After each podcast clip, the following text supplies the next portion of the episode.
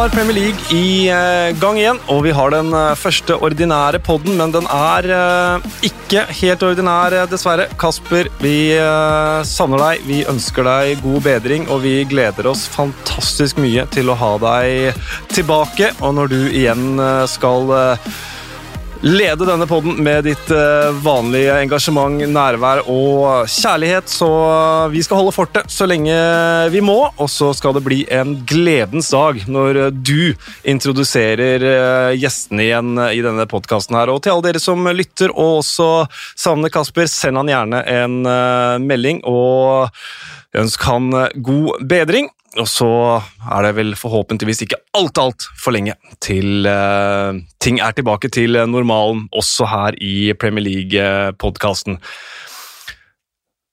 Noe annet som var tilbake denne sesongen, Leeds etter 16 år, og det var alt annet enn ordinært det de gjorde på Anfield. Wow, var vel eh, konklusjonen til eh, Jürgen Klopp. Eh, høyst ordinært på Sellers Park, hvor Crystal Palace spilte Hodgsonball og vant. Det er noen av temaene, samt at Everton har vist seg å hente kanskje tre spillere som gløy sømles inn i laget. Og for å snakke om denne runden, som er langt fra ferdigspilt. Vi er klar over det. Det er fortsatt eh, fire kamper igjen, men vi har nok nok å snakke om likevel, Endre Olav. Velkommen. Tusen takk, eh, Espen. Og rett fra Bergen og rett fra studio, Erik Thorstvedt, velkommen. Takk for det. Som om jeg ikke har prata nok i helga, så liner jeg opp her òg. Eh, men det som du sier, det er jo stas at vi er i gang igjen. Det var rare tider på så mange måter. Og pausen har jo vært kort, og det blir en komprimert sesong her òg. Mm. Men det, er, det, var veldig gøy, altså. Mm. Og det er så mange kule spørsmål med denne sesongen, syns jeg. Så jeg, synes det, jeg gleder meg til fortsettelsen. Det er jo noe med å starte med blanke arken òg, da. Og bare hente fram akvarellen og begynne å farge lerretet. Og den med kanskje den mest spennende malepenselen inn mot sesongen, det i hvert fall personlig. Marcelo Bielsas eh, Leeds vært snakket mye om. Eh, mange har sikkert sett dem mye i championship. Jeg er nok ikke en av dem som har sett dem aller mest, så jeg gleda meg veldig. Og så får vi altså den åpningskampen på Anfield. Vi kan trekke bitte litt paralleller til forrige sesong, da Norwich var på besøk der og eh, sjarmerte, men de tapte 4-1. Leeds taper altså 4-3. Og hva er hovedinntrykket du sitter igjen med etter den, det fyrverkeriet på Anfield, Endre? Nei, det var jo en uh, Har uh, Petter Myhre kalte det, en herlig lykkepille. Det var jo uh, akkurat det det var. Deilig å se den energien i Leeds-laget og det ja, Bielsa-fotballen. Vi har lest mye om, vi har sett konturene av det her og der, og nå får vi se det i Premier League, og det var akkurat som man kunne forvente seg at det var. De spurta i press, det var masse energi, og Liverpool er jo et sånt lag selv. Så det var rett og slett eh, deilig å se at de var eh, fryktløse og eh, uredde, og egentlig uten respekt. De angrep som, som bøfler, som et Bjelsa-lag skal gjøre. Mm. Og hunsa og imponerte og var vel altså De hadde vel mer ballinnehav faktisk enn en Liverpool, viser vi noe statistikk. Og, ja. Men Bielsa var ikke helt fornøyd, for de skapte ikke nok sjanser.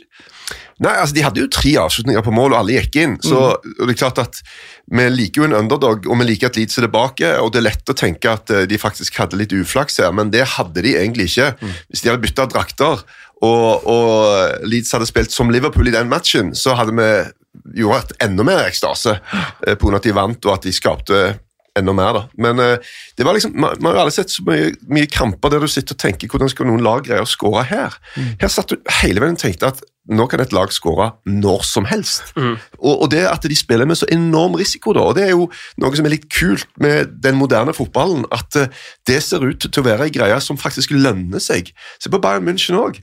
Måten de presser høyt, hvor, de, hvor høyt de står med backrekka si, og bare komprimerer og bare kveler motstanderen og mm. prøver å bare liksom nekte de å, å vinne ball omtrent. Og det er risikofylt. Og sånn, sånn som Leeds spiller òg, er jo De kommer nok til å gå på noen smeller, altså. Mm. men sabla stas, og så greier de å backe det opp med å være kreative og gode framover. Så det blir en veldig bra pakke. altså. Og selvfølgelig så er det jo typisk, da hva det altså kan kalle de mentality monsters, men at, at, Liverpool greier på en så utrolig måte med at fullstendig ræva straffe av Rodrigo. Altså. Hva er det han hva er og det, Men det er så klassisk. Du sitter, jeg har jo ingen tro på at Leeds skulle greie å holde ut. Nei. For at du har sett det der Liverpool-laget gjøre det så mange ganger, og du tenker det kommer nok, det kommer nok, og det gjorde det, gitt. Ja, det, så øh, en sånn analyse hvor øh, åh, Så klarte jeg ikke å starte poenget riktig. Jo, Calvin Phillips, jeg må bare ta den mens jeg husker det. Kommenterte han i landskamp mot England, nei, mot Danmark for England. Debuten hans, første som spilte for England siden Alan Smith osv. osv. Hm, tenkte jeg, er han så god? Ja. Eh, Men så så han på Leeds, og der fikk han, du så det at Leeds flytta opp De hadde vel fem mann helt framme, så de pressa på en måte Liverpool litt bakover. Det ga rom til han, og den der 1-1-goalen altså, Ja, det er jo langt fra ferdigskåra, men uh, der ser du hvorfor han på en måte Var det Yorkshire Pirlo de, Ja. de kaller han? Alltid kult at de liksom, de finner, prøver å finne sånne kontraster. Yorkshire og Pirlo. Det skal liksom være de to ytterpunktene. Lenger fra hverandre finner du ikke. Og Hvis du setter det sammen, da blir det kult. Ja. Det er jo sånn, Man har jo snakka om liksom Pirlo som uh, siste sånn romantikeren i fotball, da, som klarer å ligge så dypt nede i banen og diktere angrepsspillet, men her dukker det opp igjen da, i et uh, Bielsa-lag. Så det, det er deilig å se. Uh, eh, Leeds for den kampen, og så vil jeg uh, gjerne se at de gjenskaper det her eh, igjen da, utover mm. sesongen. For det er ikke noe tvil om at Bielsa sine lag ofte har vært, eh, i hvert fall Leeds, har vært eh, best i begynnelsen av sesonger, og så ser man at de blir slitne etter hvert. Nå er det ikke så mange kamper i Premier League, og der er åpningskampen, det er på Anfield, det er Liverpool. Um, så om de klarer å beholde denne energien, da, så, så blir det stort, og det får vi jo svaret på om de klarer eh, utover. Men i hvert fall en god start. Nå har de vel Fulham hjemme neste Ja. gang. De er et lag de har spilt mot et eh, par ganger òg forrige sesong. Vant 3-0 hjemme. Og, men det blir spennende, da, for, for Fulham så jo litt halvslakke ut. Mm. Så om de greier å dominere like mye og de, de har potensial til å virkelig eh, kjøre en Sheffield United Wolverhampton altså, og komme høyt oppe, tenker jeg. Mm. Så bare avslutningsvis eh, på Leeds, da, så ta med at de hadde et, eh, et nytt stoppepar, eh, egentlig helt nytt stoppepar, med, i og med at Ben White og Liam Cooper White er jo i Brighton, og Liam Cooper, kapteinen, var ikke med, så det kan jo kanskje ha spilt litt inn på at man slipper til en del målsjanser. Så får vi se om de gjør det. Han Koch fikk jo kjørt seg, han var jo uheldig på straffen, og så henger han jo ikke med når han skal dekke Nei. van Dijk. da. Han kolliderer med Mané, og de kjører jo noen sperretrekk der og sånn for, for å slippe van Dijk fram, men, men han så liksom, han så likevel ganske bra ut, syns jeg. Mm. Altså, Bortsett fra de der han- Han hadde også ganske mange ting der han virka veldig bra. Synes jeg. Ja. Joe Harrison der, eh, som skårer eh, 1-1-målet, altså han har jo 28 sprinter i løpet av, eh, av den kampen der, og det er flest eh, så langt da, Mm. i denne runden her, så det sier jo litt om mentaliteten. Og så er jo van Dijk stor som vanlig, da, men han, eh, han må snart passe seg litt for å ikke bli for kul bak der. Mm. Eh, han har kjørt eh, prikkfritt uh, Han har kjørt rundt som en Rolls-Royce nå, da, i to år, med prikkfri uh, kjøring og vært Mm. så elegant. Nå, han har jo selvtilliten i taket, og det, det så man jo litt eh, Beit han tilbake da, på, på den ene skåringen. Mm. Han, eh, Harrison uh, Jeg ymte vel til og med frampå om at liksom, er det noe for City? Han er jo Citys eiendom, men de uh, Leeds-folka som uh, jobber hos oss, litt bak i kulissene, der er det noen hardbarka Leeds-fans. De mener at den dealen er gjort. Dealen med City er gjort. Han er både han er deres eiendom. Den, eh, de har opsjon på å kjøpe han, og at han kommer til å havne der. Så det City-greiene er litt Det er vekke, altså. Ja. Og det er klart at eh, det er gjerne ikke, han er, ikke sikkert han er en City-type spiller heller. De er jo mye mer eh, Står jo stange mye mer, da. Eh, og skal gjerne ha litt mer sånn tekniske Bernardo Silva-type spillere. De kjøpte jo en ving òg, da, fra, fra Spania. Torres. Ferran Torres, ja. Eh, Årets kamp, det der. Ja, det ble Tidlig å få sesongens Det eh, tidlig å få den. Eh, Men de så jo også, Jørgen Klopp sa vel før kampen at vi skal ikke forsvare tittelen, vi skal angripe den neste. Eh, Det så vi jo her også. og Mohammed Salah starter jo forrykende, ikke bare skåringer, men var jo fantastisk i hele matchen, Salah. Ja, han var det. Eh, og det, jeg, jeg forstår ærlig talt ikke Helt siden den enorme første sesongen hans i, eh, i eh, Liverpool, så har det vært liksom sånn men Salah ikke den han var. Liksom, litt sånn småsutring på Salah, det forstår jeg ikke. altså. Altså Bare gå inn og se hva han egentlig har gjort. da. Så, og så litt med at man er kanskje tatt steget opp og blitt sabla bra, og så videre og så videre, men det går ikke an å argumentere mot den jobben han gjør. Altså. Salah er en enorm fotballspiller. For et sabla bra kjøp, og for en revavgjørelse av noen andre i Premier League og la han gå. Og nå er det stabilt høyt nivå. Det er ikke noe one season wonder som man liksom satt og kunne spekulere i. Altså, det er, det er rett og slett en forrykende fotballspiller. Som resten av mange på det laget der. Absolutt. Eh, Forrykende var jo også starten til Arsenal. Vi flytter oss til den første kampen som ble spilt. Fulham-Arsenal 0-3 på Craven Cottage. Eh, Mange hevet eh, øyenbrynene, og de er sikkert ikke senket helt enda med tanke på overgangen til William, men eh, etter én kamp så var det i hvert fall eh, Ser ut som en god investering, Erik. Ja, og det er klart at når du Ikke alltid fansen greier å ta det inn over seg, men det er enormt viktig for klubbene å kjøpe og bruke penger på spillere i rett alder. Altså det er altså det Salgsverdi. Det at du, du, har noen som du kan faktisk Nå kommer jo William gratis til utgangspunktet, men det er jo ikke gratis. Det er jo en pakke mm. som følger med her. Og, skal, og, det å binde opp store lønnsutgifter over lang tid, det, det gjør jo et eller annet med, med en klubb og, og, finansene. Men han har jo, syns jeg, da Jeg har alltid likt han, men han har vel egentlig blitt bare bedre, har han ikke det, de siste sesongene? Veldig god forrige sesong. Det, det er liksom ingenting som tyder på at den pila er på vei ned, i hvert fall. Nei. Altså, dette var jo strålende. Mm. Um, og han er en sånn type spiller, tenker jeg, som ikke er en sånn enten-eller-kant. Men han er liksom Han er på det energiske nivået nesten hele veien. Mm. Okay, så det ikke alltid blir målgivende eller scoring, eller noe sånt, men han ligger så høyt i intensitet og jobbing nå at uh, du får alltid noe ut av han. Mm. Så ble Alexandre Lacassette, uh, om ikke gjennom alle tider, så i hvert fall uh, i, i nyere tid, den første til å skåre det første målet i en sesong to ganger. Men han mm. skåra det første målet i debuten mot Leicester for noen år siden også, og var mannen som pirket inn 1-0 på Craven Cottage. Gabriel med debutskåring, men det må jo også adressere Fulhams forsvarsspill. altså både på 0-1 og på 0-2, i hvert fall. For det så ut Det var gufs fra når de var oppe sist. Ja, og eh, det er en tabbe, da. Personlig tabbe på 1-0. og Det kan jo skje, men det skjer jo oftere med den type lag. Og så er det liksom Du tenker ok, en corner heada inn fra fire meter rett foran mål. Det er sånne ting som du Selv om du ikke er verdens beste fotballspiller, så bør du kunne liksom, det, Du må ikke gå på de spillerne, i hvert fall. Det, det, bør være på stell. da. Så har jo Arsenal ansatt en egen uh, dødballfyr. Uh, svenske, tidligere Malmö, Brentford. Uh, han må jo være fornøyd. for Du Mm. blir jo målt på resultater. og Hvis han greier å fikse en ganske dårlig et dårlig dødballag som Arsenal har vært, så er jo det en god del poeng i løpet av sesongen. Mm. Få se, får se da, om det er Fulheim som er dårlig, eller Arsenal som er veldig bra utover i uh, sesongen. Men i hvert fall slike kamper Arsenal har, har tapt før. da. Ja. Uh, røket uh, Champions League-plass uh, på å ryke i nettopp slike kamper. Men jeg syns det er gøy å følge, følge Arteta. Altså, han viser jo Det er jo et overraskende laguttak her. Og Ja. ja, han viser at det er ikke noe bullshit, det han driver med. da. El Neni? Hvor kom Hæ? Det var sånn, når jeg så han på Ikke denne, men, men han, han spilte jo tidligere også i sommer, at det var sånn Ok, ja, han, ja.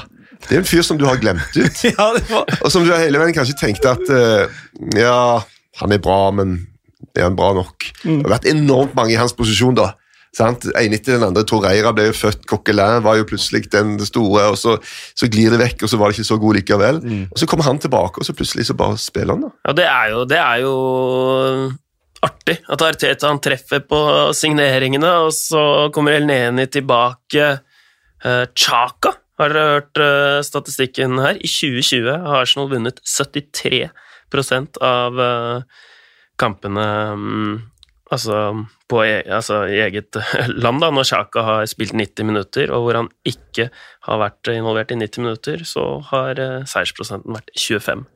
Så det er tydelig at han har en eh, viktig rolle å gjøre der òg, da. Ja, og det er litt sånn show, for vi husker jo når han eh, ble bua ut og alt det der greiene der. Eh, og det samme med David Louise. Husker dere den eh, syke matchen når han lagde straffe og ble ja, mot Manchester City. Ja. ja. Og så alle, og Akkurat da var det jo snakk om skal han få en ny kontrakt, eller og alle tenkte fuck, må vi bare la han la, please, la oss slippe dette her. Så gir han en ny kontrakt, og så blir de FA Cup-mester. Mm. Kun kort tid etterpå. da. Så Ja, Han sto jo i intervjusjonen etterpå da bare ja, det er min feil, og jeg veit ikke om jeg spiller her, men jeg har lyst til å bli. Ja. Uh, og så fikk han fornyet. Ja, uh, Scott Parker kalte det dagens lærepenge. uh, dette her at de tapte, at de starta bra. De jo, var jo friske til å begynne med, men at uh, de blir straffa for feil, det er jo selvfølgelig litt sånn Det var jo det vi forventa å høre. men han er jo også veldig klar på at de kommer til å tape mer enn de vinner. Eh, Så Det som kanskje skuffa meg mest, var jo i hvert fall det som jeg har hørt i forkant av sesongen, er at, at se opp for Michael Hector, han midtstopperen. Han er god.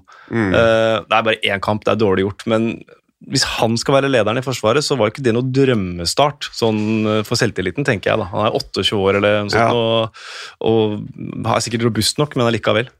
Ja, men det er jo han som De er jo på jakt etter uh, ny midtstopper i eh, Fulham, og det er jo han som det er jo han som får beholde plassen, Ja, ja, og det er jo han Tim Ream som forsvinner ut. da. Mm. Men, men det, hovedproblemet, tenker jeg, for de to av de tre nyopprykka lagene, litt som vi prater om, det er tommel opp, selv om det er tap, men de to andre, West Brom og Fulham, er at du kan ikke egentlig si så mye på innsats, på organisering, og, men, men de er bare ikke gode nok. Altså det, og det er nesten et større problem. For Hvis det var noe du kunne fikse med å ta noen grep, da, men ok, så kan de kanskje hente inn en eller to nye spillere, men de har ikke så mye penger, så det blir ikke fra øverste hylla. De, de kan jo bli bedre enn de viste her, men jeg tenker likevel så er de bare under streken. Altså. Det er vanskelig å se at de skal kunne greie seg. Vi satt der med Brede Hangeland eh, på Fullham-episoden, og han, det var jo et av spørsmålstegnene han satte. Det var jo om Scott Parker kan Hvor god han er til å organisere et eh, lag i forsvar, da. Mm. Og det um, spørsmålstegnet det blir jo stående Mm. Som et minnesmerke etter denne runden her. Ja, det gjør det. Så får vi se om eh, Det kan fortsatt være at eh, Michael Hector blir en stopperklippe, altså, for all del, men det var ikke en god start i hvert fall for, eh, for Fulham. Og så var litt sånn, Apropos her, spilte han Angissa var ute plutselig på der. Ja. Jeg bare, hm, Da Stemmer det. drar de vel Seria på hatten mot Fulham, da, så, Ja. så er gutta tilbake. Uh, og beskjeden fra Arteta angående Aubameyang var at det er ingen grunn til å bekymre seg, han skriver på ny kontrakt i løpet av et par dager. Så får vi Ja. se om det stemmer. Nei, nei, Hvis han sier det, så, så så er nok det riktig. Og, Og for en uh, signering. da. Det er jo snakk om at eh, hvis, hvis han slår til som han kan, så, så er det jo den kontrakten Da er den bedre enn Øsel sin, da, men han ligger jo ute på kanten der og bøtter inn skåringer. Altså, han er rimelig, Ja. rimelig eh, effektiv, da, for men å si det sånn. jeg trodde han var 30, han er 31. Ja. Og det er klart, igjen så må du da vurdere, for det, ok, du ser Aubameyang, hvordan han det nå, tenker du, ja, kommer det til å fortsette? Du vet aldri, men eh, de fleste går jo nedover. Mm. De fleste store målskårere fra den alderen skårer mindre og mindre. Eh, så, og Det må du på en måte nesten ta med i beregningen, da. Men, men i den situasjonen Arsenal nå, eh, så er det klart at det er riktig å bare gi han det han, han skal ha for å bli, da. Mm. For at det er målet, og så er det signaleffekten, og så er det byggverket, og så er det Arteta, og så er det liksom hele greia i klubben. Ja, sånn som det ser ut akkurat nå, så blir jo det da den viktigste signeringen. Men jeg har jo Mhm. klokkertro da, på, på Arteta, så man kunne jo se det i slutten av forrige sesong når man hadde de avkjølingspausene og cooling breaksene. Altså hvis det var ett lag da, som ble bedre etter Mm. de drikkepausene der, så var det Arteta sitt lag. da. Mm. Han, eh, han veit hva han driver med, så det skal bli spennende, å- spennende å følge. Men vi har bare spilt en serierunde. Ja. Ikke Legger, legger jo ofte litt mye vekt på første runden, egentlig. Trekker konklusjoner og Men det må Sett vi jo- opp tabellen det på ny, da. nå. Det er ferskvare. Ja. Ja. Ja, og det, altså det med alderen til Aubameyang som ble en såpass god overgang, føler jeg at jeg er nødt til å hoppe litt i settet. Jeg hadde egentlig tenkt å dra til, eh, til Tottenham-Everton nå, men vi, vi tar det etter neste match. Fordi en spiller som eh, som tyskeren min sa, det er alltid et unntak som bekrefter regelen, og Jamie Vardy er jo kanskje nettopp det. altså Som blir bedre med alderen, omtrent. To nye skåringer, riktignok på straffe. leste litt sånn treige i første gang mot West Brom, men i andre gang så hadde de full kontroll. Ja. Han, eh, han eh, fornekter seg ikke, men han er jo en annen type. Og, eh, han er jo late, late bloomer. Så han Mm. eh, var som eh, Simen eh, Møller sa en gang han har dårlig tid når det Ja. gjelder å skåre mål. Han har fortsatt eh, Så er det to straffer, da. Ja, ja, ja. Altså, det er Ja, de straffegreiene de straffene var bra. Ja, da, De var bra. De gikk inn, det gjorde de. Så, eh, men det er jo litt Det er litt oppskrutt, Ja. syns nå jeg, da. Det Så du kaller litt, det heller litt kaldt vann i Vardø-årene her nå? Nei, men altså, jeg tenker at når du ser at, uh, at Danny Ings uh, skårer 22 mål og har skåra ett straffe, Mm. så tenker jeg at det er faktisk en bedre prestasjon enn Jamie Vardy, som skårer ett mål mer, men har en god del straffer blant de. da. Ja. Men, eh, men Vardy, jeg så en greie på i forhold til Didier Drogba. Vardy har klart bedre, i hvert fall en bedre, Mm. eh, skåringsstatistikk i Premier League enn det Drogba hadde. Og vi Ja. tenker på Drogba som wow, all time great, liksom. Mm. Og så ligger Vardi foran. Ja, han, Nå har han vel flere mål, og han gjorde det på 42 færre kamper. Ja. Så det er helt, eh, helt riktig. Og så er det jo, det er jo moro med Apropos spillere altså De er gode på å hente spillere, da. Kastanje Vi har jo kommentert en del italiensk fotball, eh, Espen. og Mm. Kastanje er jo eh, en god høyrebekk. Han var god i denne kampen, her, Ja. synes jeg. Fikk jo selvfølgelig den skåringen, og så var han Den er bra. veldig Jeg har sett litt sånn analyser og at han kanskje ikke var så god framover som det Leicester vil. da. Men det, du lærer jo. Du, du, du kommer jo an på hva rolle du får i laget. Og Nå er jo Atalanta et sånt sykt angrepslag mm. eh, og har enorme greier framover. Det kommer an på hvor, hva, hva rollen din sammen med resten av gjengen. Mm. Så han var, nei, Det tror jeg er veldig bra kjøp. Igjen eh, tror jeg, altså Vi hadde en sånn greie på hvor Leicester, hva, hva spillere de har solgt dyrt. da. Mm. Altså De fikk jo pigede 450 millioner kroner for Danny Drinkwater, liksom. så, ja, og, eh, så, og så kjøper de da på et hakk billigere, da. Kjøper for 20 mill., da. Selger for 40. Ja. Og det blir bra butikk. Og, det Mm. blir, eh, og Leicester har jo som klubb eh, greid å etablere seg på ei, et høyere, ei høyere hylle da, enn det vi tradisjonelt tenker om den klubben. Mm. Nestemann inn portene der nå kan være David Brooks, som er jo typisk Leicester-kjøp hvis de henter han fra Bournemouth nå for Ja. 25 millioner pund. Og så, så er han verdt Mm. 50 om tre måneder. Ja. Um, Men hva da med Albrighton? ja, ja. Gode gamle Albrighton som, som er der alltid, Ja, ja, ja. alltid får spille litt. og sånn type sånn Ja, da havner han litt lenger bak i køen. Ja, det er sant, det. Uh, West Bromwich uh, Slaven Bilic sa etterpå at mentaliteten vår var ikke bra etter baklengsmålet. Og så sier han We didn't give up. No, no, no, no, no, no, no, no, no. Vi ga ikke opp, liksom, men mentaliteten vår den endra seg når vi fikk baklengsmålet. Så uh, de skriker jo etter en spiss når de Altså, det forsvaret til Leicester den matchen her, det midtstopperparet er, Ndidi er jo ikke noen midtstopper, og Suyunshu er god, selvfølgelig, men de bør jo Det så jo når lagoppstillingene kom, så tenker du ok, det her er jo mulighet for West Brom, men når de ikke har, har spiss, egentlig Callum Robinson er jo ikke, en- er ikke en spiss. Nei, altså det, hva, hva skapte de egentlig i denne matchen? Nei. Så, og det er jo litt interessant. Callum Robinson bytta de vel med han Oliver Burke. Ja, Ja. og det er jo sånn, vi snakket litt om det eh, off-air, liksom. eh, Er dette en streit byttehandel? Er det noen Ja, det er- penger imellom? Eller? Det står bare swap. Det er jo ganske kult, egentlig, hvis de Ja. finner ut at ja, men vi trenger mer den egenskapen. Eller, men som du sier, han, de har jo bytta til seg en fyr som i utgangspunktet vel er en Med, ving, ja, Ja. med ving i hvert fall. Uh, spilte kanskje litt spiss i Preston det året de rykka opp, men funka ikke som spiss i Sheffield United. For det var jo det ble som der. Ja.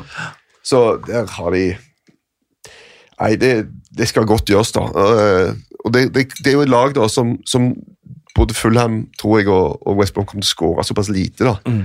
At du er så jæklig avhengig av å være tett tilbake. Ja. Skal du greie å gnure ut noen eh, Fulham var jo eh, helt enorme på at Når de tok ledelsen, så vant de så å si hver sabla gang i championship. Mm. Men når de kom bak, så hadde de veldig dårlig statistikk. da, Og i Premier League så, så vil du havne bak, da. Mm. Og, hvis du det er det samme som å bare si at du, da kan vi gå hjem.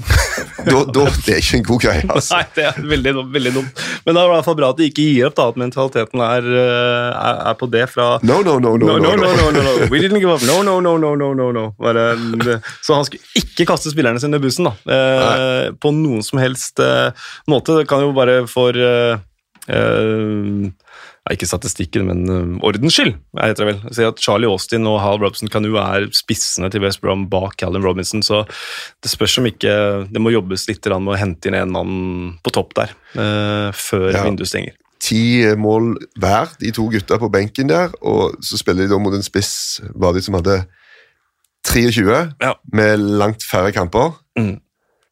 Det viser jo litt forskjell på topp, da. Ja, Austin er fet, men det er lenge siden han skåra 18 for QPR. Så, Altså, Billedlig talt. Nei, eller- fet type. Fet, Ja, ja, fet ja billedlig. Altså, ikke billedlig, rent fysisk. Ja, ja, ja, ja, ikke bokstavelig eller fysisk, nei. Nei, okay. fet type. Det godt Det var jo eh, litt reaksjoner på Noen oppfatta det som fatshaming av at eh, det ble påpekt eh, fra Premier League-studio at Ole Gunnar kanskje hadde lagt på seg bitte litt ja. i koronapausen. Eh, det tror jeg han har, men det får han få lov til. ja. Nye grunn til å nyte, nyte livet, han. Ja. Selv om det ble tap i en treningskamp i helga. Som jeg viste. ja, som jeg viste. Ollie Watkins med scoring for Aston Villa. Så etter å ha sett eh, fire kamper hele lørdagen, så kunne du ta med deg en treningsmatch med Aston Villa og Man United helt på slutten. Kan du kose deg, kan kose deg med den, eller så ligger han kanskje på Sumo, så kan han se den i opptak òg. Det var vel kanskje opptak i utgangspunktet. Sp- Starta vel nesten neppe klokka ti. Eh, Manchester United starter jo ikke denne her, vi kan jo bare ta det. Manchester City, Burnley, Aston Villa og Manchester United de starter Premier League-sesongen sin neste helg. Men uh, et To lag som startet Premier League denne runden, det var Tottenham og Everton. 0-1. En eh, Duncan Ferguson-esk heading av eh, Calvert Lewin som gjorde at Everton vant den, eh, jo. Og det er deilig å se. Ja, du er glad i Calvert-Lewin? Ja, jeg er ekstremt glad i han. Og mm, ja, det hodestøtet det var så rått, så det viser råskapen til Calvert Lewin. Han er så atletisk, og det var jo som han sa etterpå, man hadde jobba mye med med Big Dunk da, Mm. på det her, så sa han ja, jeg jobber litt med det. Han har fortsatt en bra høyre- og venstrefot, fot, men eh, de var ikke overdoing it, fordi Big Dunk hadde fått med seg at Calvert Lewin han, han likte å nikke ballen, Mm. og, og det der, så jobbet sikkert da mye med andre ting òg, og det er jo det eneste man kan ta Calvert Lewin på, det er at han ikke skårer nok mål, men han har jo hatt en veldig god utvikling da, eh, Mm, på nettopp det. Ja. Det, er ofte, det er en sånn lærepenge for meg angående en del spillere at vi tenker at ja, men de er sånn, og han er sånn. Mm. Ja, men det er ikke sånn. Vi mennesker vi utvikler oss. Til og med vi i studio her har kanskje et utviklingspotensial. Utrolig nok. Ja, Så, har, har jo det. Har, har jo det. Enormt Så- utviklingspotensial.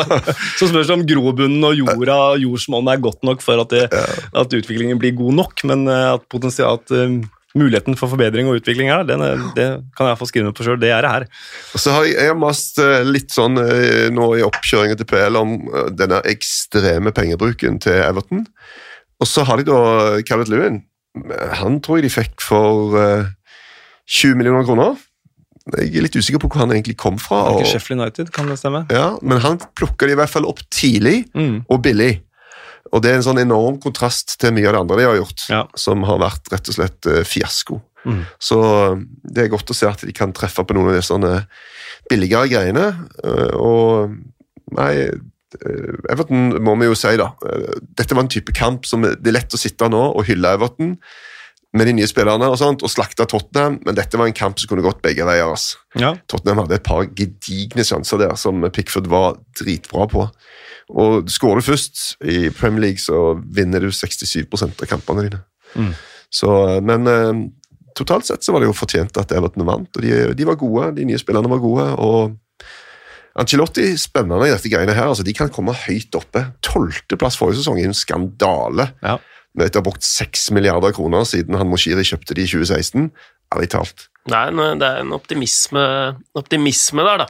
Det var, var jeg jo Rett før lockdown så var jeg, var jeg der borte med Everton Manchester United, og da var jo de drev og snakka i gangene, Everton-folket, om hvor utrolig stolte da. de var over å ha Angelotti som manager. Det var en av de beste managerne i verden, eh, og han var flink med spillerne. flink, Han så folk i støtteapparatet, folk rundt eh, i klubben.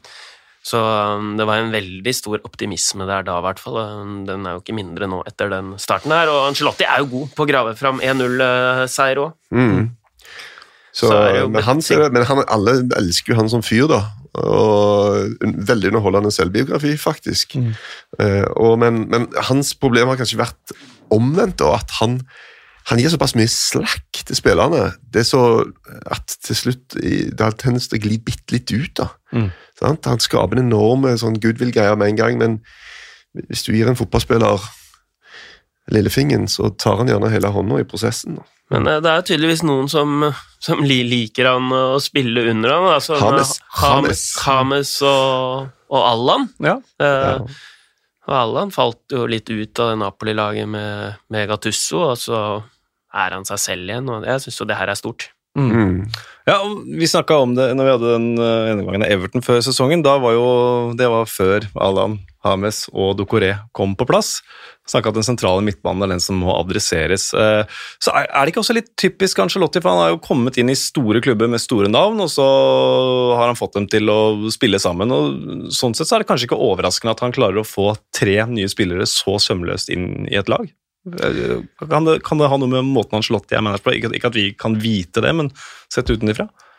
Ja, det kan det være. Jeg tror det å på en måte skape en, eh, en, en ha en god stemning og, og at, at spillere føler seg veldig på en måte velkomne og integrert umiddelbart, har jo noe å si. Og så spiller de jo litt sammen òg, disse nye spillerne her. Ja. Sant? Så, og, og veldig sånn klare rollespillere. Så ja, det funker veldig bra.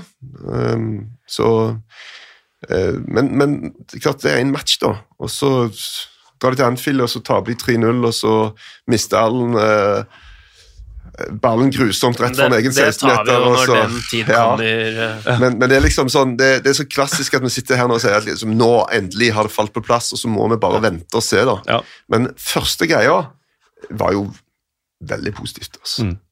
Eh, Ole Andreas M. Olsen han er eh, iuga Tottenham-supporter, det vet jeg, og han har tre spørsmål. Hvor lenge sitter Mourinho? Når drar Kane? Hvem kan redde, hva kan redde Tottenham? Det var, eh, jeg tipper det var en del dystre Tottenham-supportere der ute etter denne matchen, i hvert fall andre omgangen. Det, det det virka i hvert fall sånn. Det er jo, det er jo sirup, da. Eh, Man så litt i s- siste perioden i Manchester United, og det så man i hvert fall i denne kampen her, og det, det viser jo For jeg, ble spent på Jeg så, så jo De presser jo så dårlig. Eh, De løper jo Mm. én og én. Det er jo en eh, Hvis man skal presse høyt, så må man jo i hvert fall løpe sammen, da, og man må spurte mer. Mm. Eh, Så, så da var da jeg var inne og så på den eh, statistikken, da, og flest sprinter, i hvert fall på Oppda, hadde jo da Per Emil Høibjerg på midten med 14. Det var flest på Tottenham, og da har Jack Harrison på Leeds 28. Mm. Så det, det sier jo litt om det Ja. de driver med. Og, og, og nå var jo De hadde en periode i første omgang der de tok måte. over og var ganske gode, syns jeg. Eh, men eh, det, der pressgreiene og det ble jo Mourinho sa jo etter match at han var forbanna Ja. og veldig skuffa. Men han går veldig på mentalitet og Mm. orking og sånn. Og nå har jo jeg selvfølgelig eh, slukt denne eh, med Tottenham. Og det er klart, Du ser ikke alt der, men jeg tenker du kan likevel få et sånt noenlunde bilde av hva som foregår, hva blir sagt i garderoben. Og det er jo enormt mye av disse tingene her med kjemping, konsentrasjon, innsats, andreballer. Det er liksom det det går på hele veien. da. Og for meg så handler det skal- Sånn, han er et unntak. Mm. Sånn han gikk i press. Mm. Men det å gå i press handler ikke bare om at nå må vi flytte oss opp, nå må vi gå opp og springe og komme opp i de. Press er jo en, noe du må ha trent på. Press er jo en, en måte du gjør det sammen på. Sant? Se på Leeds, da, som har en sånn ekstremt klar plan i forhold til press. Hvordan gjør vi det? Og jeg tenker at hvis ikke du har eh, det på repertoaret, på trening, på å liksom virkelig sette dette i system. da. Og Det er det jeg lurer bitte litt på om, om, om Mourinho gjør. Eh, Gjør de det? Mm. For Det er ikke nok å bare klappe i hendene og si må vi pike av innsats her, gutta. Han, det er ikke bra nok. Nei, han, han sa jo sa det sjøl, Mourinho, at vi var lazy i presset vårt, og da har Everton spillere som, hvis du gir dem den ammunisjonen, som han kalte det, som, og de kommer til å skade deg. Men så sa han også at øh, øh, konsekvensen av øh, Altså, det, altså, det dårlige, late presset var en konsekvens av uh, poor fitness, uh, poor preseason for some, no preseason, altså dårlig preseason. Og så tok han med og wrong, wrong state of mind, altså feil sinnsstemning eller innstilling. altså hvordan Helt hvordan man skal oversette det er litt vanskelig, for det, man kan tolke det litt dit man vil, men hvis man tolker det litt med vondvilja, så er ikke det litt at Mourinho igjen da begynner å sette fingeren på at de en del av spillerne de har ikke den rette innstillingen? Er, er, tolker jeg det feil? Eller? Nei, nei, det, du, du tolker det jo rett, og, og, og det kan jo for så vidt Hvis det stemmer, så, så kan det være greit å sette fingeren på det, men, men jeg syns han veldig ofte lander på det. da. Mm. Han lander veldig ofte på de tingene der som, som bare ved å snakke og ha den rette innstillingen, så skal alt være bra.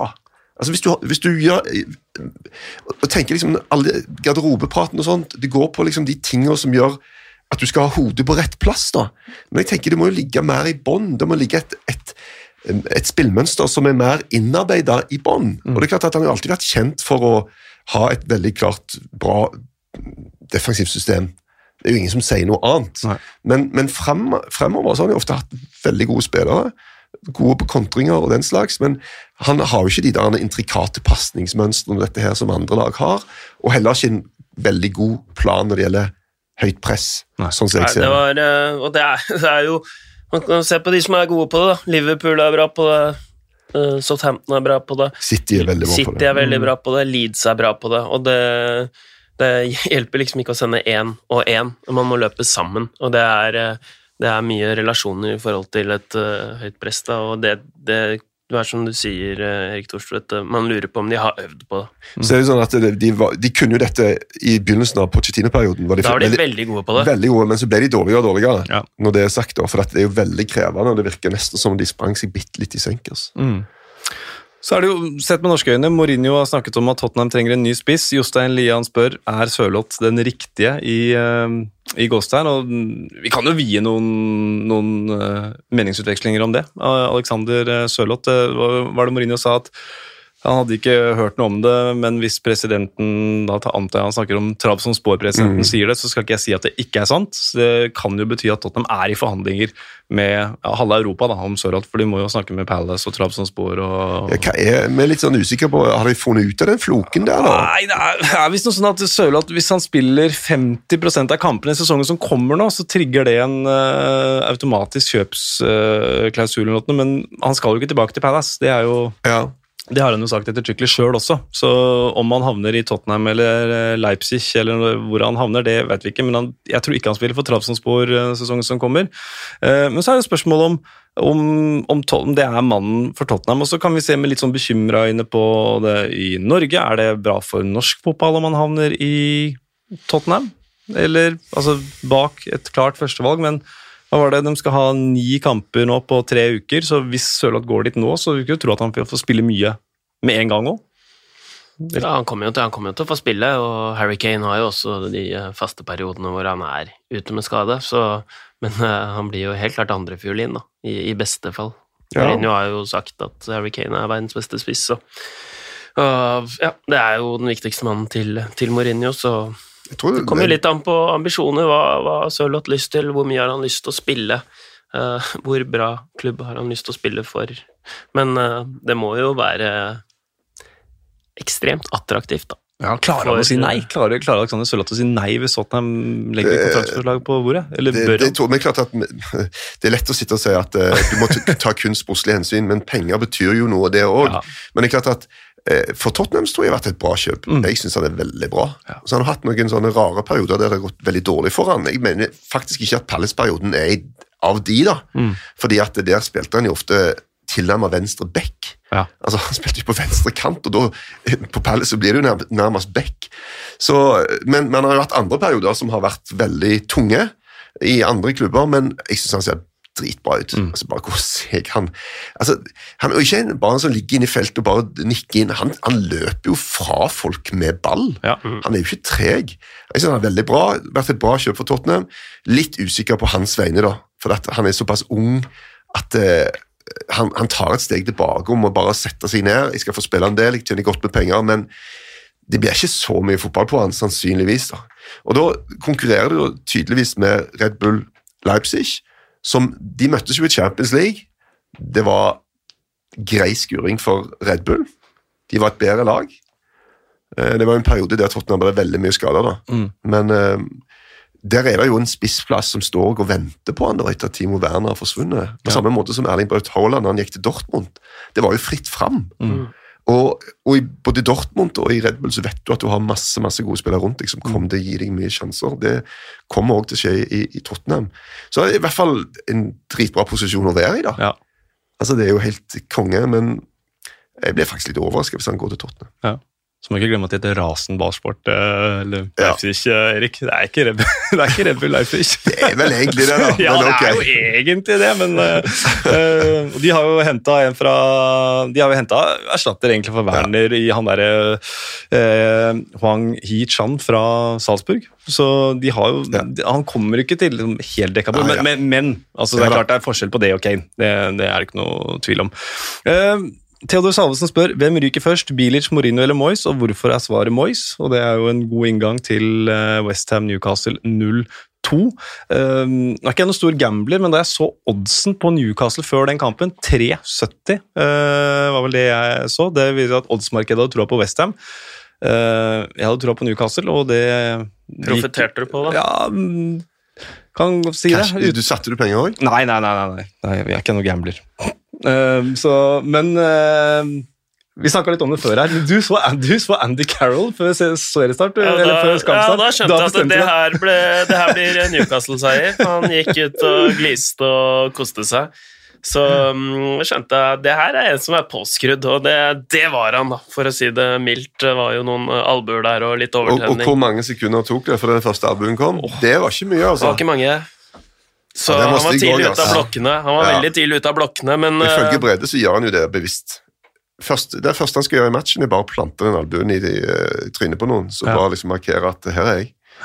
Men uh, det Newcastle-laget ser i hvert fall revitalisert ut etter én kamp. Så Ja. kan man uh, si det, og Callum Wilson sammen med Carroll der, det er jo, passer jo som hånd i hanske, da, den, eh, den duoen. Det er en som kriger på topp, og Callum Wilson som løper, eh, løper rundt. Og så Jeff Hendrick, faktisk, var jo en eh, liten renessanse. Han så jo enda mer leken ut enn man har sett han i Burnley. Ja. Men det er også en sånn type, det er en sånn greie, altså en sånn typisk match der det er så lett å hylle Newcastle og bare skjelle ut Westhammen. Den der kunne lett gått en annen vei, ass. Ja, det, det kunne den, men for de som har sett Newcastle en del, så det har jo du òg. Men uh, da har det jo liksom ligget uh, De så mer offensive ut da, i Ja, ja, tilnærmingen til denne kampen enn de har gjort. Men, men det rare i er jo noen at, annen at kamp Steve forrige Bruce sesong. start, nei, de, de starta jo der, da, forrige sesong. Der de skulle opp og ta steget vekk fra dette Benitez-greiene, og Bruce ville spille på en annen måte. Ja. Så gikk det ikke så mange kampene før han fant ut at ups, I don't think so. Og så trakk de seg tilbake og ble en annen type lag, da. Eh, Men nå så det jo ut som de de var godt i balanse, da. Det var ikke sånn at de hodeløst tømte, eller at motstanderne bare pøste på med sjanser, og at de slapp unna pga. Dubravka, som, som de ofte har gjort før. Men eh, ja, de så bra ut. Ja, jeg, jeg husker jo det, for det var omtrent på den tida her i fjor, eller starten av oktober, så, så var jeg der borte da de slo Manchester United, altså Newcastle. Og da var jo da var ordene til Steve Bruce før da, jeg har sikkert nevnt det før også. Eh, Og jeg lo litt av det da, at eh, Steve Bruce sa at eh, ja, jeg vil spille mye mer offensivt, men jeg arva et mannskap som det kan jeg ikke gjøre. Så tenker jeg, hm, har Steve Bruce spilt så veldig offensivt før? Men her ser vi jo Ja, kanskje han fikk litt rett allikevel. Nå var det 4-4-2 med, med spillere. Ryan Frazier ble sittende på benken hele matchen. Og så syns jeg også Bruce han sier la oss være brutalt ærlige. Dette var ikke en klassiker. Jeg syns det var en ganske fet kamp. Ja. Jeg synes det var en ganske morsom kamp. Ja. Eller var den så dårlig? Hva- Nei, det syns jeg ikke. Nei. Det jeg synes det var helt ok. Så To av begge nysigneringene, Henrik og Wilson, skårer mål. Og... Nei, eh, det, det så ut som det var litt sånn spilleglede. De, eh, det ser ut til at uh, Wilson og, og Fraser uh, Altså, de, de koser seg, da, Ja. i, i Newcastle. Og det er tatt godt imot, da. Eh, ikke minst henger en del med Carroll, blant annet, Ja. og Matt Ritchie.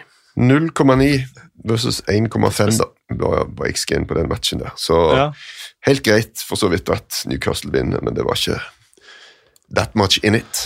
Nei, og så er det Moyes og Westham. Um, har jo et kampprogram framover også som ikke skriker poeng. Um, så alarmklokker på full uh, sirene der, eller? Ja, det kan bli uh, en ny uh, syv, syv matchers eh, uten seier. Hvem var det som starta sånn? Var det De bord. Crystal eller? Palace, ja. Ja. Mm. Men, eh, men igjen så hadde de noen eh, på, på de, Jeg husker når jeg dro til Anfield eh, forrige sesong. Ja. Og Fabianski hadde en sånn Slappihanski-dag. Men da var de, altså de, der, da bor noe i det laget der til å mobilisere. altså. Jeg tror ikke vi skal helt uh, bare felle dødsdommen over det ennå. Altså. Nei, vi så det etter uh, restarten òg. Det, er ikke- det er ikke forsvunnet over natta, den uh, formen til, uh, til Westham. Så de uh, kommer det er, det er jo et solid lag. Ja, I, tenker I utgangspunktet. De har satt inn litt solide spillere. Socek syns jeg er bra. Det var jo uheldig at han ikke fikk en scoring der. Hedda rett utfor. Og så videre og så videre. Eh, Bowen så De har jo valgt litt eh, betong framfor silke, basically, med Filip Andersson og sånn på Lanzini. Ikke på laget i utgangspunktet, så eh, Ja, men eh, det er det, det skal jo ikke mye til, da. Altså, hvem er favoritten til å ryke først? Ble vi enige om Moyes, eller? Ja, det tror jeg Av de tre, ja. Men av alle, da? Av alle, ja, kanskje av alle òg. Ja, altså Nyopprykka, altså, skal de virkelig gi Bilic eller, eller Scott Parker sparken? Det kan de jo ikke gjøre. Altså, det, de har gjort det dritbra bare med å ta lagene sine opp. Ja, bare ta det. Altså, det må jo bli bedre ganske fort, for det er eh, Arsenal borti neste, så er det Wolverhampton, Leicester, Tottenham, City, Liverpool. Det er kampprogrammet til Westham Mm. forover. Så de må finne den sommerformen ganske fort. Eh, vi har en kamp igjen. Den eh, kommenterte du, jo. Crystal Palace. På glitrende vis, kan vi si det. Oh.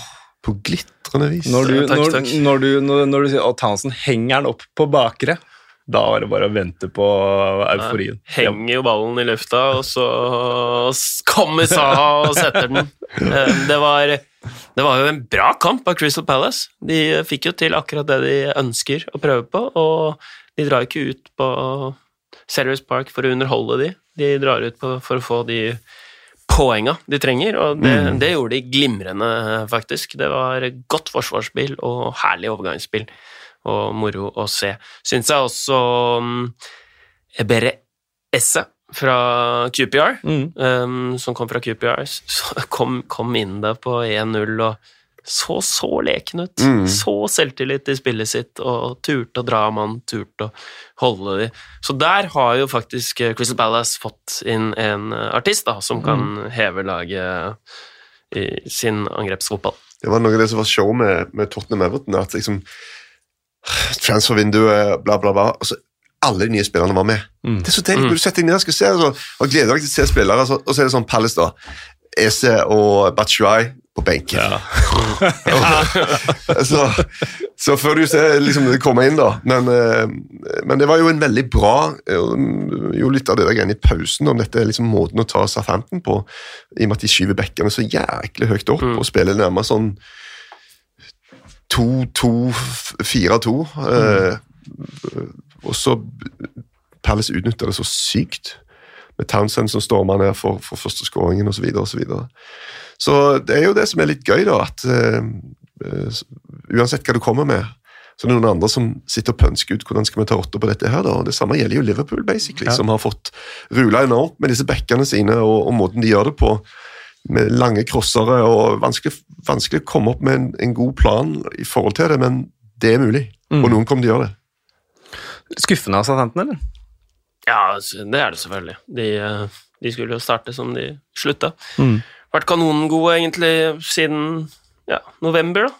Men uh, det viser jo bare at uh, det finnes luringer i Mm. Premier League fortsatt, og det var jo har jo vært eh, Crystal Palace hadde tok jo 4 av 27 poeng etter eh, restarten, men eh, nå er det blanke ark, da. Og Ja. får vi se om de klarer å beholde Saha igjen, for han er jo linka Men hvem skal dit. kjøpe han, liksom? Altså Det samme med Grealish, da. Altså Det er sånne Ja. som er enormt viktige for klubbene sine. Så de må prises høyt. Ikke la de gå. Og, men er de så eh, mye verdt for en toppklubb som allerede har enormt gode spillere, at de er villige til å betale? Hva snakker vi? Eh, 50-70 millioner pund? Ja, det er vel det. Noe sånt? Grealish er vel opp mot 80 millioner pund Ja. også. Mm. Så, og, og hvem skal gjøre det, da?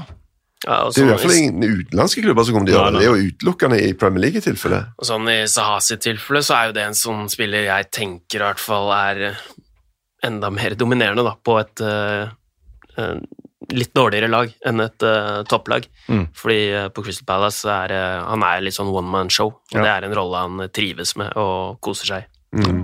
Fått en kronprins nå, da. Får vi se. Med Eze. Ja. Det blir spennende å se om det er den nye arvtakeren. ja. Eller de skal kose seg sammen, være lekekamerater. Vi tar noen faste spalter, vi. Det var moro å se på. Morata var kjempegod. Hva i all verden? Det er lov å si hvor mye det provoserer meg. Han snakka ikke om seg sjæl, han snakka om dommeren. Ok, ok. Eh, vi begynner med det minst hyggelige. eh, Rundens eh, kaktus. Har du noen forslag, Eo? Det blir jo bare å um, kjøre inn Westham, det, da, som man alltid har forventninger til, men de fornekter seg jo aldri, da. Så det ble null poeng i åpningsrunden. Det er, det er kanskje litt tynn suppe, men eh, de, de, de skuffer på en måte gang på gang. Man har så trua når man ser laguttaket. De kan liksom gjøre så mye, og så blir det ned igjen. Mm. Opp som en løve og ned som en eh, skinnfelle. Fikk God respons på den. Ja, gjorde det? den som eh, lager en skinnfelle for andre, går ofte i den selv. Visdomsord. Eh, Jeg vil gi kaktusen til de som lager fotballreglene. Eh, Fordi eh, første straffen til Liverpool Det tok litt tid før vi faktisk oppdaget det. Vi, ja. så det jo ikke med en gang, men den går altså i, i låret på, eller kneet på Robin Korr og opp i armen hans. Og det blir dømt straffe, og VAR gjør ikke noe med det, og det blir klar, eh, på en måte spesifisert eller etter, etterpå at eh, hvis han hadde prøvd å sparke den ballen, og det hadde gått opp i hånda hans, så hadde det ikke vært straffe. Stemmer. Men i og med at han treffer foten hans og bare spretter rett opp i armen, så er det straffe. Det Og den, den forstår jeg ikke. Nei. Det er en logisk brist der. Er det ikke verre å være klønete og sparke ballen opp i egen hånd, enn å bare stå der og uten at du omtrent vet hva som skjer, få en knallhard ball rett i låret som spretter opp i armen din? I, I don't get it. Nei, men Det er jo helt høl i huet, fordi han, han vil jo ta, ta beinet ut til høyre for å stoppe det skuddet, så han prøver jo å ta ballen med, med låret, antageligvis. da. Altså, sånn, altså, Men nå så- ja, han kan blir jo begynne, bare- du, du kan begynne å lete etter alt mulig sånn, da. Hvis Ja. skal, ja. Men, men basically, det det koker ned til at hvis du tror jeg, hvis du har armen ut, da, så er det, da, er det, da lever du farlig. ass. ja. Og, og den greia der, er- det er umulig å komme seg unna det. Så jo, vi så jo ikke det at det gikk så raskt at vi så Mm. bare at ballen traff hånda. Og så var noen selvfølgelig seere som var oppmerksom på at vi var jo fullstendig idioter i studio. Det hadde de jo helt rett i. eh, som ikke greide å få det med oss. Og når du ser det, da, så tenker jeg ja, men hva skal i all verden skal den tyske debutanten greie å gjøre med den saken der? Mm. Og hadde han altså prøvd bevisst å sparke han, og sparke han opp i egen hånd. Så hadde det vært greit. så hadde det vært greit. Ok. Men sånn er det. Ja. Det har blitt eh, liksom eh, spesifisert fra, fra Premier League og sånn, at ja, men sånn er reglene. Ja, så så vi i eh, Westham Newcastle så vi at armhulet ikke lenger er offside, for den traff en ball som traff Henrik oppe på over hvis du tar hånd, Ja. fingeren din, og da var det, det ville vært straffe i fjor, eller forrige sesong, men Mhm. ikke nå. Så- Jeg spår veldig lange, kortarma drakter. Altså, de korte armene kommer til å gå langt ned fra albuen.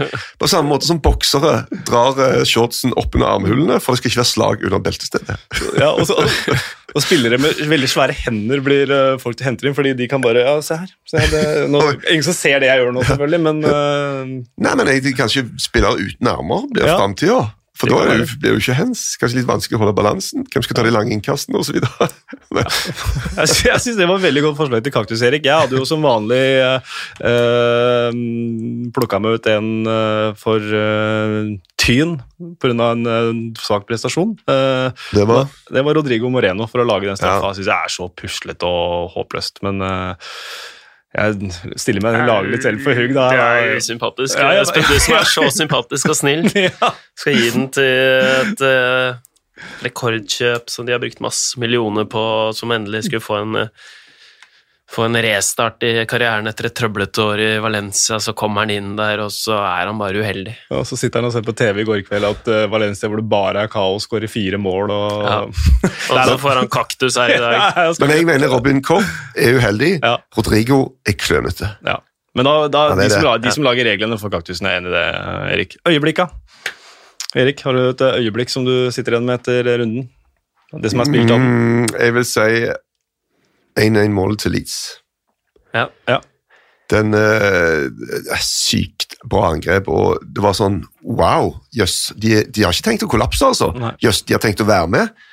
Ja, det, det er for meg et øyeblikk. Den kom fra hjertet, den. Så den kjøper jeg. Jeg hadde Calvert Lewin. Syns det er gøy å se han eh, sveve gjennom luftrommet og sette den mellom to forsvarsspillere, men um, jeg snur, Ja. Faktisk. Jeg vinglet og snur over til uh, Erik. Skal ikke jeg drive og kuppe? Det er lov å bare skjelle Ja, meg ut og si at jeg er helt men- eh, Nei, nei, nei. tulling. Men, uh, De tapte jo, og så videre. Kevin Loom ble jo matchvinner. Ja, en men øyeblikk, øyeblikk, så har du rett. ja, jeg hadde egentlig Jørgen Jürgen Klopp når han sier wow, ja.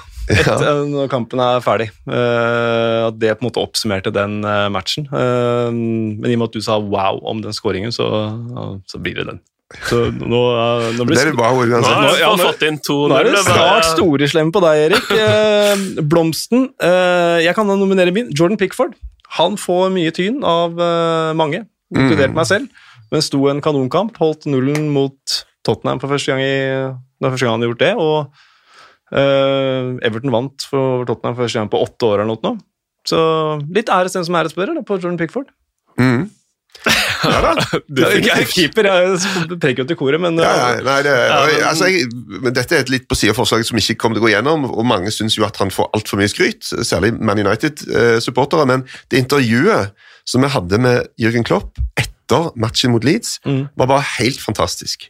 Altså, det han bare sier så mye bra. Altså, det er så lett å sluppe inn tre mål da, og liksom være veldig kritisk til eget lag og liksom bare hylle Leeds og si at ok, men disse greiene, slapp inn tre, det skal vi kunne fikse ganske greit. Altså, det var bare sånn eh, Et av de beste managerintervjuene jeg har sett. Som var bare dritbra.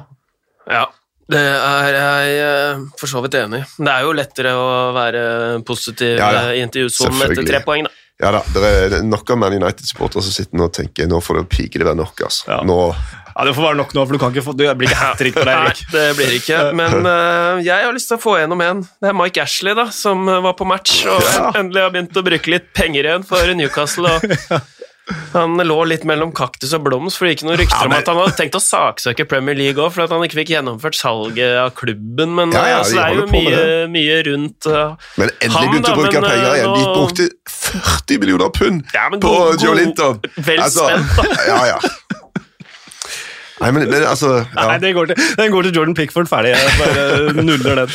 Uh, ukjent helt. Du kommenterte Crystal Palace. Der er jo min ukentlige, ukentlige ukjente helt uh, fast inne på midtbanen. Men eh, det er ikke James MacArthur du nominerer, EO. Ja, Unggutten Tyrek Mitchell Ja. syns han var, var god. Han mm. Passa perfekt inn i systemet og har ikke mye erfaring, men løste backup-gaven eh, strålende, og det må være på en måte litt frustrerende å spille back for et lag som har så lite ballen, og som tidvis er såpass baktunge, men jeg syns han løste den oppgaven strålende for et Crystal Palace-lag som hadde fem forsvarsspillere ute med skade, i hvert fall til den kampen, så det gror godt i rekkene på Sellers Park.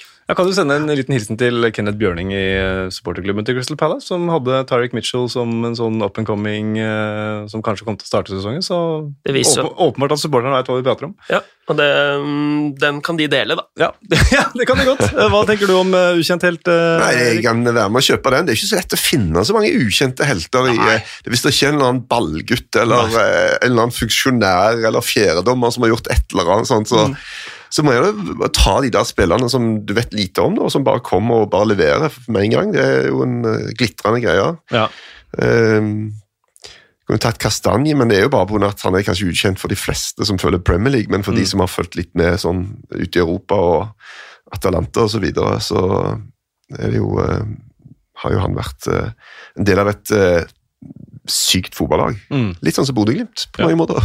Jeg hadde Mohammed Elneni jeg der. Jeg har helt glemt at han var Arsenal-spiller. Så, sånn sett litt ukjent. At han skulle, begynner å bevege deg oppover. altså Aubameyang, tenkte du på han? ja, det sto mellom, eh, på Arsenal så sto det mellom Lacassette, Aubameyang og Elneni. Så falt jeg ned på Elneni. Ja. Um, nei da, eh, men da, da, da får du den. Yes. Så er det én på deg, én på meg, to på Erik. Ja. Det må være greit. Sånn det Eh, husk gutter, dette er ingen konkurranse. Nei, nei, nei. Eh, her er vi alle venner og, og bygger hverandre opp. Eh, progresjon. Eh, to kamper gjenstår i kveld. Sheffield United mot Wolverhampton og Brighton mot Chelsea. Det blir Frank Lampard eh, 2-0 med hele kostebinderiet mot Graham Potter. Skal vi avslutte med fem kjappe, ord av de to siste blir da spørsmål om kampene i kveld. Og så skal vi prøve neste uke å, å spille inn etter at alle kampene er ferdig. Eh, fikk et spørsmål på det. Hvorfor spiller inn runden spiller inn nå eh, før runden er ferdig? Jo, det var eh, fordi mandager er egentlig dagen vi spiller inn på. Eh, men så, og det var avtalt en stund på forhånd, og så fikk vi plutselig vise alle kampene, og kamper ble flytta hit og dit. Ok, nok om det. Eh, fem kjappe. Blir Mohammed Salah toppskårer i Premier League? Ja. Nei. Nei. Rykker Westham ned? Nei. Nei. Ja. Eh, kommer Tottenham topp fire? Nei. Nei. Nei. Lette spørsmål. Ja, Veldig, veldig. Hva blir resultatet mellom Sheffield United og Wolverhampton? Blir eh, 2-3. 1-1. 1-1. Og hvor mange mål skårer Timo Werner i kveld? To. Én. Ett. Ingen. Et. Da får jeg si ingen, da. Så at, eh, jeg sa ikke noe på alle. Men uh, eh, jo. Alltid en uh, glede. Det var veldig, veldig hyggelig å være her. Takk, takk eh, som, som spurte. Ja. Og Erik, på kort varsel. Jeg sendte deg en melding mens du antagelig satt og analyserte kamper i går, og likevel så stiller du at det er stort. Ja, eh, jeg må jo si at eh, jeg liker podkast bra. Jeg syns det er supert når du er her, og savner jo òg Kasper. Må jo si det. Ja. Eh, Vi er jo litt under press eh, i TV 2 om å skrive blogg. Eh, Jeg hater blogg, men jeg liker podkast. Det er liksom så eh, mye lettere. Bare gå inn og sitte og skrive. Det tar sin tid. Altså. Ja. Dette er bare stas.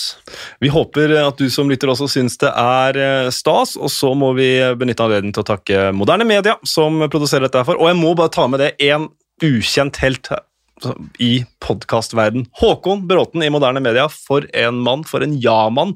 De 20 episodene vi lagde før sesongstart, hadde ikke vært eh, mulig uten han og resten av eh, Moderne Media. så Han tar alltid bildene også, så hvis dere savner eh, fotokreditt på disse bildene, så er det Håkon som skal ha det. Så Ja, Håkon er enorm. han er enorm, og ja, tusen takk for at du lytter. Du hører oss på Apple, Spotify, der du hører podkaster. Vi, vi høres igjen, vi, snart.